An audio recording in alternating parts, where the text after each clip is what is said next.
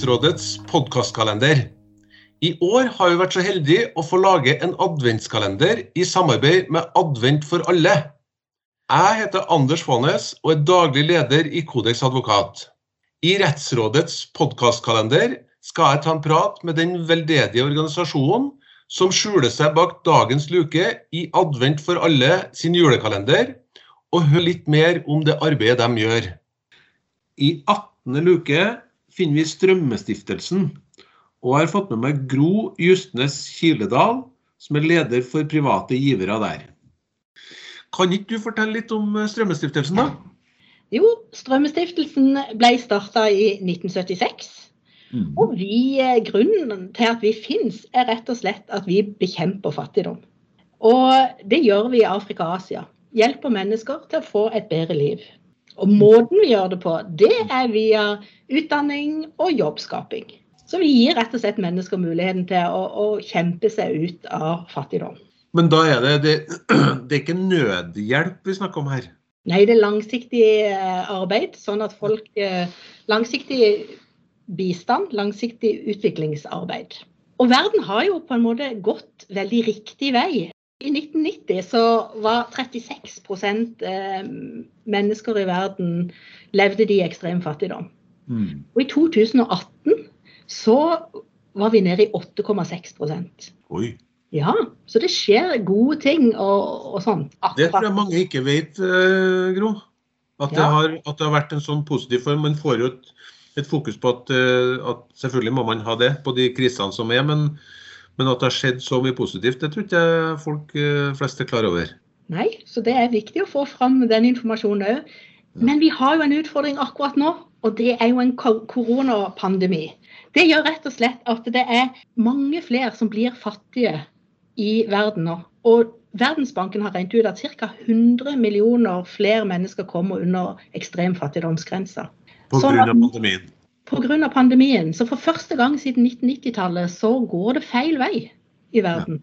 For folk mister jobbene. Du vet f.eks. Eh, hvis du lever av å selge ting på et marked, Mm. og så blir markedet stengt ned. De får ikke lov til å gå ut, de får ikke lov til å gå på åkrene sine og hente tingene. Det er lockdown i landene. Da kommer jo ikke folk ut og får solgt varene sine. Hva skjer da? De får ikke penger, og så er vi liksom i gang med elendigheten. Og det viser seg òg at det er mange flere barn nå som må begynne å jobbe pga. Eh, koronapandemien. Og så kan en tenke ja, hvorfor, hvorfor skal barn jobbe når voksne har mista jobben? F.eks. i Mali så, så tilbyr de barn å komme i gullgruvene og jobbe. For de er små, de kommer seg ned overalt. De kan betale de dårlig lønn, og det er veldig farlig. Og også ekstremisme. Det, det øker nå, fordi at de, gruppene kommer og tilbyr ungdommer lønn hos de, jobb hos de, mat, Mm. for å være med. Så akkurat nå så er, går det dessverre feil vei, altså. Ja. Så det er svært viktig for det arbeidet dere gjør òg, og i det arbeidet dere gjør også, at vi får eh, skulle du si, komme til en eh, form for avslutning av denne pandemien, skjønner jeg. Det er absolutt viktig. Og da må vi bare stå på videre og gjøre de tingene vi gjør. Nemlig å gi mennesker utdanning Ja. og gi dem muligheten for en jobb. Det er de to tingene Strømmestiftelsen jobber med. Og det er den måten vi bekjemper fattigdom på. Men har dere skoler, da? Eller hvordan er det dere organiserer utdanningsløp, eh, Gro?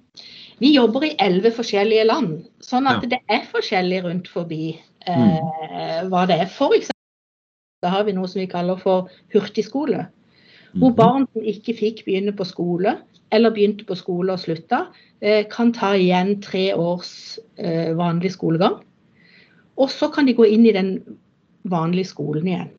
Ja. Og det er utrolig vellykka. Og det vil sannsynligvis også være svært viktig nå da, i forbindelse med det du snakker med, med pandemien, at man eh, kommer i en situasjon nå hvor det blir prioritert annerledes, av naturlige årsaker også. Eh, og så skal man eh, helst tilbake i et løp hvor man eh, kan fortsette å, å få skolegang etterpå. og Da kan man benytte en sånn eh, type løsning. Det kan man. Og så kan man få, få, noen stipender noen plasser. Vi utdanner lærere. Vi, ja, vi er veldig opptatt av For vi vet av utdanning. Vi vet at når mennesker får en utdanning, så får de også muligheten til å få seg en, en jobb og kunne forsørge seg sjøl når de blir voksne. Og så får de et, en bedre hverdag her og nå. Vi er opptatt av at mennesker skal, skal ha det bedre også i dag, ikke bare i framtida. Så det som dere egentlig driver på med, Gro, er jo å sette folk i stand til å eh, få et bedre liv eh, der de bor. Eh, og være med som positive bidragsytere til utvikling av samfunnet eh, som de er en del av. Det som er liksom grunntanken her, da skjønner jeg? Det er det, og det gjør vi gjennom lokale organisasjoner i de landene vi jobber i. Sånn at eh, når vi den dagen er kommet at nå er vi ferdige i det området og trekker oss ut, så er allikevel informasjonen, all kunnskapen ligger igjen der. Det, vi, har ikke, vi, har ingen norske ute. Nei. Og det har vært veldig bra under uh, koronapandemien nå. Vi har ikke noen som vi har måttet kalle hjem. Alle ressursene er på bakken og kan fortsette i de områdene som ikke er blitt stengt ned. Mm. Og så er vi jo tidlig i gang når Eh, det blir løst opp igjen. Mm. F.eks. i Niger så hadde vi ikke kunnet reist ned og, og, og jobbe, men det at vi har lokale folk, har gjort at de har kunnet holde på med disse skolene selv under pandemien. Ja, Det er bra. og at, at Det her er jo det, det, det en flott, flott, flott, beskrivelse av arbeidet, tenker jeg. Det som jeg tror er viktig å få fram, for jeg tror noen, kanskje ganske mange også, tenker at de her eh, frivillige organisasjonene som jobber i, i land utenfor Norge, da, de driver med en eller annen form for sånn nødhjelp og sørger for at folk får eh, det aller mest nødvendige. Men veldig mye av arbeidet det virker som jeg har snakka med flere organisasjoner, og, og, det virker som veldig mye av arbeidet er lagt opp til å utvikle de samfunnene man er i være med som du sier, skolegang, det å legge til rette for muligheten for jobb, det med å, å, å bygge infrastruktur. altså Det er mange sånne praktiske ting der, rett og slett, ja, som handler mer om å sette folk i stand til å være med å utvikle sitt eget samfunn på en kanskje skulle ha kommet litt mer fram også. I hvert fall hos dem som er litt sånn, litt sånn lunken til eh, å være med å gi penger til denne typen ting. Så, så tror jeg at man Eh, at, at, det er en bra ting å se hvordan man er med og bidrar til å utvikle noen samfunn eh, på en veldig praktisk måte. Det går ikke i, det går ikke til administrasjon i Strømmestiftelsen. Nei, det går til, til samfunnsbygging eh, ja. ute. Og, og, nå har vi snakka om uh, utdanning, det med å skape jobber så mennesker kan, kan, kan, ta ansvar for sitt eget liv. Men det er så mye mer enn det. Det, det, er, det er, likestilling vi er opptatt av. Vi er opptatt av um, ja, altså alt som skal bygge et samfunn. Maktstrukturer, gode ledere, gode lærere. Det er, ja, det er en helhet. Så vi, vi driver jo og bygger samfunn. Ja. Det gjør vi. Det er superflott. Men det som dere driver på med, hva, hva, hva gir det seg utslag i, i, praksis da, Gro? Du må fortelle en, en god historie. Vi, vi, er jo, vi, er jo, jeg tror mange liker å høre litt eh, hva, hva, hva, betyr det egentlig? Ja, da har jeg lyst til å ta deg med en tur til, til Mali. Ja. Um, der, er det, der er det På landsbygda der, der er det tørt. Ja. Og det er uh, veier sånn som du kjenner det, det, det er det ikke. Det liksom, du skal til venstre bak det store treet, og så skal du kjøre en halvtime sånn, og så skal du Ja. Jeg hadde ikke funnet fram. Jeg har vært der noen ganger, men det er fascinerende. Mm. Og der, der, bor det jo mennesker langt ute på, på, landsbygda og i sine landsbyer. Mm. Og det er her vi ofte driver disse hurtigskolene, hvor vi kommer til landsbyen mm. og tilbyr skole, sånn at de kan komme inn på vanlig skole. For mange, sko mange områder har en vanlig skole, men hvis mm. barna ikke får begynne når de er seks-syv år, mm. så får de ikke begynne senere heller. Men de kan få lov å begynne rett inn i opplegget, eller rett inn i tredje og fjerde klasse. Ja. Og Dette har vi vært bevisst på. Det er, dette er et opplegg som har blitt utarbeida i Mali av de som bor der og er der og har sett behovet. Så det er ikke noe som vi liksom kommer utenfra og har, har, funnet ut. Nei. Men eh, her inne i Mali da, så bodde Sidoku. Ja. Og når han var tre år, så mista han sin mor. Hun døde. Og faren eh, gifta seg på ny. Og vi har alle hørt om den onde stemor, og hun, hun var her òg. Hun likte ikke Sudoku på noe som helst måte. Han måtte hjelpe til hjemme, han måtte sove hos dyrene, han fikk juling. Hun klaget på han hele tida. Sudoku hadde det ikke noe godt i det hele tatt. Og sånn hadde han det ganske lenge. Eh, far tok eh, stemors parti, det var nok det letteste for han. Og vi kan bare sjøl tenke oss hvordan dette var. Heldigvis for Siroku så hadde han en morfar. Og morfar han kom en dag og troppa opp og sa at eh, nå tar jeg Sidoku med meg hjem til, til meg. Og gjett om det ble glede hos stemor. Hun var kjempefornøyd. Endelig var hun kvitt han. Og nå, nå Ja. Det som var med, med morfar, han også hadde noen sønner altså som var onklene til Sidoku. Og det var de som skulle arve morfar. Sånn at morfar var opptatt av hva i all verden kan jeg gjøre for Sidoku for at han skal få et godt liv framover. Mm. At han skal få en framtid som voksen. Mm. Og da var han opp, tenkte han jeg må få den gutten på skole. Ja. Det er den måten jeg kan hjelpe han på. Og I det området så var det en religiøs skole som han fikk eh, gutten inn på. Det var bare at han skjønte jo ingenting av det som ble sagt, for det var arabisk ja. som ble lært. Og når de da ikke svarte riktig, ja, da ble han slått igjen. Ja. Og han hadde nok, fått nok juling. Så han ville jo ikke gå. Han grein hos bestefar. 'Vil ikke gå på skolen.' Nei, nei. ikke sant? Du ser det for deg at uh, her er det en som virkelig ikke ønsker. Og, mm. og morfar han tenkte at 'jeg kan jo ikke fortsette med dette'. Jeg kan ikke tvinge han til dette. Han så åssen han hadde det. Og så fikk han lov til å slutte. Så kommer jo morfar hjem en dag, gledesstrålende. Der kommer en ny skole til landsbyen vår. Hurtigskolen kommer til landsbyen. Å, den kan du få lov til å begynne på. Det er fantastisk. Ja. Og tror du Sidoku tenkte da? Nei, tenkte han. Nei, jeg vil ikke på skole. Jeg var jo så dum. Jeg klarte jo ikke noen ting. Jeg fikk jo juling hele tida. Jeg vil ikke på skole. Så han var veldig redd for dette. Ja. Men så ville han jo gjøre bestefar glad òg, da. Han var jo mm. veldig glad i bestefar som hadde kommet og, og redda han fra ja. Ja.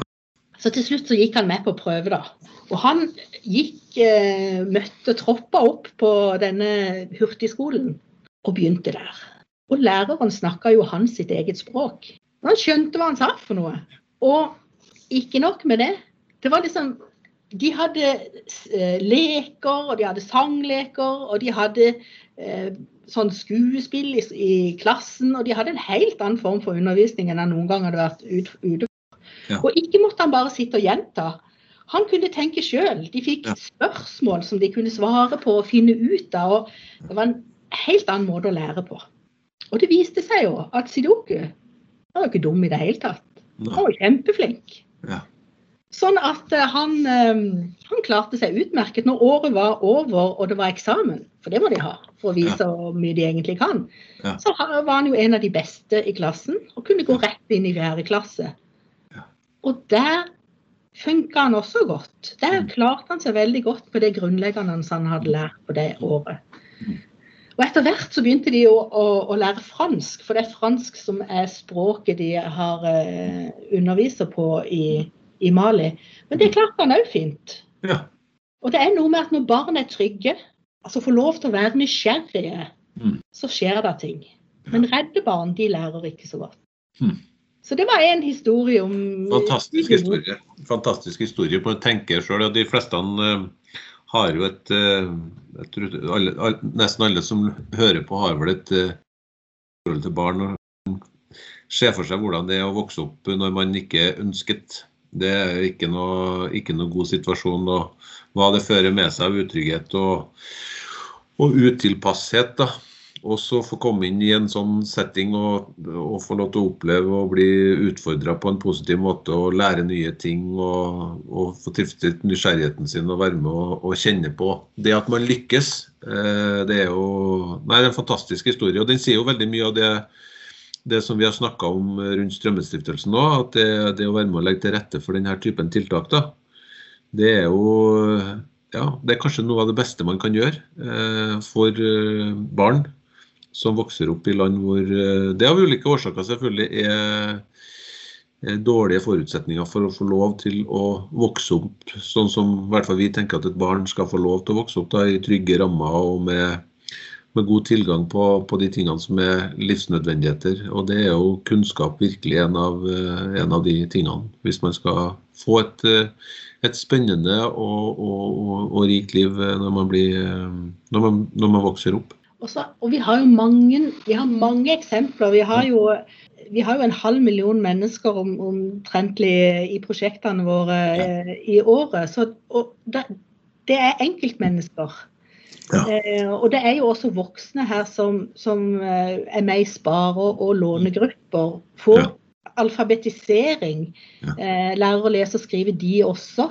Eh, og jeg husker um, jeg var på en annen plass eh, i fjellene i Nepal, og der var det en mor som hadde lært å lese og skrive. Og jeg spurte hva, hva, hva er liksom det største med å ha lært å lese og skrive? Ja.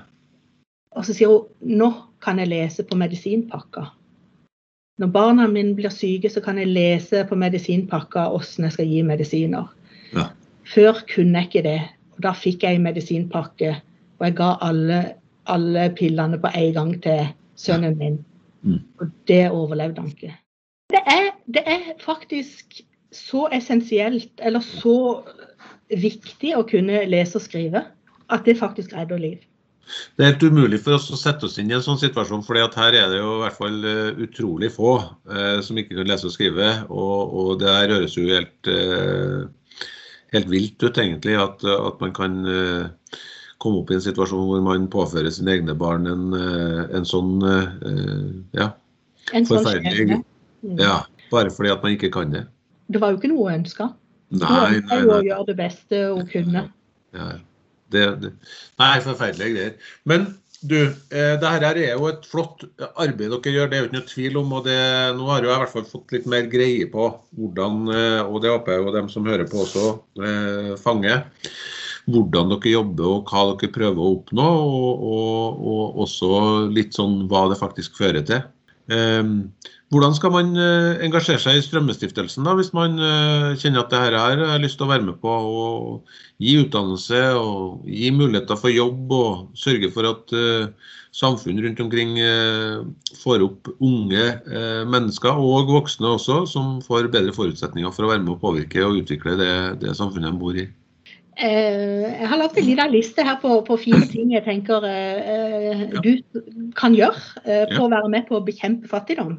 Mm. og det, det, ene er å være en bevisst forbruker. Ja. gjennom å kjøpe produkter som er produsert under anstendige arbeidsforhold, og som sikrer rettighetene til de menneskene. Så når du nå skal ut og kjøpe julegaver, så mm. tenk litt på det. Hva, hva gjør du for noe? Mm gjør smarte klimavalg. Det er Klimaendringene de rammer faktisk eh, hardest de fattige. Ja. Eh, og det er de som lever i de i varme land og i, som, som, kjenner dette best på kroppen. Som mister vannet sitt. Som, så at vi er her også er bevisst på det. Mm. Og tenker miljøvennlig og, og klimavennlig i hverdagen vår, mm. det hjelper også på å være med på å bekjempe fattigdom. Ja. Og så handler det om å, å, bry seg. Altså påvirke norske politikere, påvirke eh, de som er rundt deg. Eh, skriv en blogg, bruk stemmeretta di, engasjer deg, demonstrer. Altså bruk mm. stemmen din. Mm. Og så er det jo dette med å dele. Mm. Del det du har. Eh, Norge er jo et av verdens rikeste land. Mm. Og vi har gode tradisjoner for å dele. Eh, og fordi du deler med, så kan det bety alt. Altså Sidoku, som noen har delt med sånn at han fikk gå på skole.